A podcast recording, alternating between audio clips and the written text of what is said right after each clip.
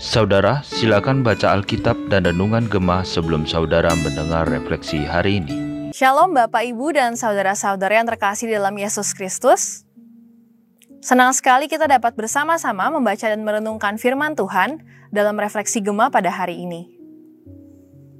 Bergantung kepada Allah adalah topik refleksi Gema yang akan kita sama-sama bahas.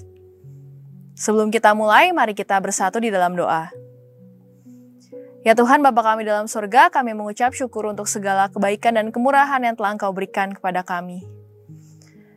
Tuhan, saat ini kami ingin membaca sebagian dari firman-Mu, kiranya Tuhan saja yang berikan kami hati yang siap untuk mendengar, dan berikan kami hikmat dan kepandaian, agar kami dapat mengetahui apa yang ingin Tuhan sampaikan kepada setiap dari kami. Terima kasih ya Tuhan, di dalam nama Tuhan Yesus kami sudah berdoa dan mengucap syukur. Amin. Di dalam imamat pasalnya yang ketujuh, yang akan kita baca hari ini, Tuhan Yesus memberikan gambaran mengenai tata cara pemberian kurban penebus salah dan kurban keselamatan dengan sangat detail. Saat ini saya hanya akan membacakan dari ayat yang ke-1 sampai 2, 5, serta ayatnya yang ke-13 sampai 14. Demikian bunyi firman Tuhan. Inilah hukum tentang korban penebus salah. Korban itu ialah persembahan maha kudus. Di tempat orang menyembelih korban bakaran, di situlah harus disembelih korban penebus salah. Dan darahnya haruslah disiramkan pada mesbah itu sekelilingnya. Ayatnya yang kelima, haruslah imam membakar semuanya itu di atas mesbah sebagai korban api-apian bagi Tuhan. Itulah korban penebus salah. Kemudian ayatnya yang ke-13 sampai 14, ia harus mempersembahkan persembahannya itu beserta dengan roti bundar yang beragi di samping korban syukur yang menjadi korban keselamatannya.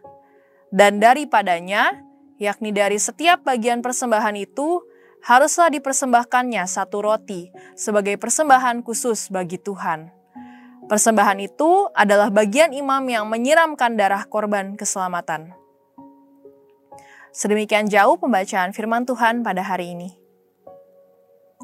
Dalam bacaan kita melalui imamat pasalnya yang ketujuh, disebutkan bahwa ada dua jenis kurban yang dapat diberikan. Yang pertama yaitu kurban penebus salah, dan yang kedua adalah kurban keselamatan. Keduanya ini memiliki tata cara yang berbeda. Untuk kurban penebus salah, akan ada korban sembelihan, yaitu hewan, yang dibakar di atas mesbah, beserta dengan segala lemaknya.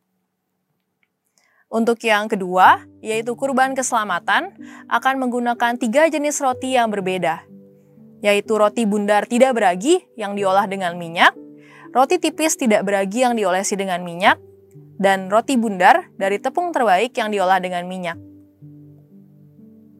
Jika nabi tersebut ingin memberikan persembahan sebagai wujud ucapan syukur, maka harus disertai dengan korban syukur tambahan berupa roti bundar yang beragi.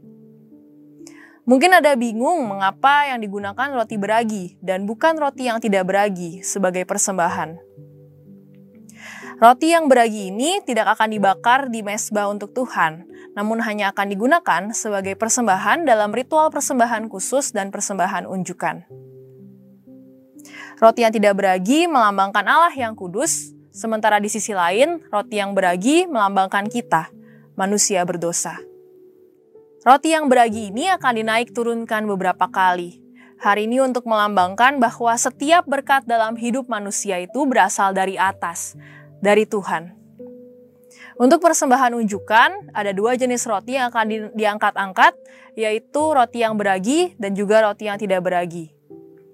Kedua roti ini akan diangkat dan dilambai-lambaikan sebagai simbol rekonsiliasi, hubungan antara manusia yang berdosa dengan Allah yang kudus yang kini sudah kembali baik.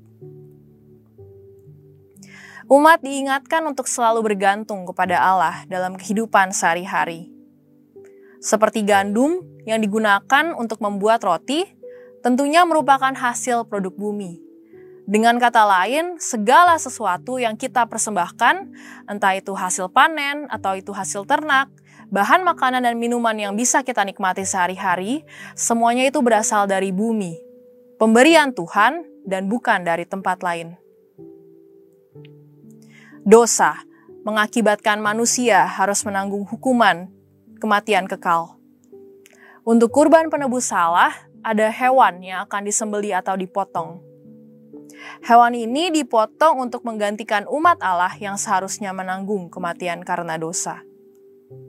Manusia bergantung penuh kepada anugerah dan penerimaan Allah agar dapat memperoleh keselamatan dan penghapusan dosa, bukan kematian kekal. Tuhan Yesus adalah satu-satunya yang bisa, yang mampu menolong manusia untuk melepaskan kita dari belenggu dosa dan kematian kekal. Sesungguhnya dalam kurban penebus salah, bukanlah hewan yang menghapus dosa manusia, tetapi anugerah Allah yang memungkinkan manusia untuk memberikan hewan sebagai kurban, sebagai tebusan dosa untuk menanggung dosa manusia. Setelah dosa manusia ditebus, maka manusia dan Allah akan diperdamaikan kembali. Semoga dengan mendengarkan refleksi pada hari ini, kita dapat semakin bersyukur atas segala pemberian Tuhan dan semakin bergantung kepada Allah dalam menjalankan kehidupan kita sehari-hari. Kita tidak boleh menganggap enteng segala berkat yang sudah kita miliki. Namun sekali lagi semakin menyadari bahwa segala sesuatu yang kita punya itu bersumber dari Allah. Dan biarlah kita juga dapat menjadi penyalur berkat bagi sesama.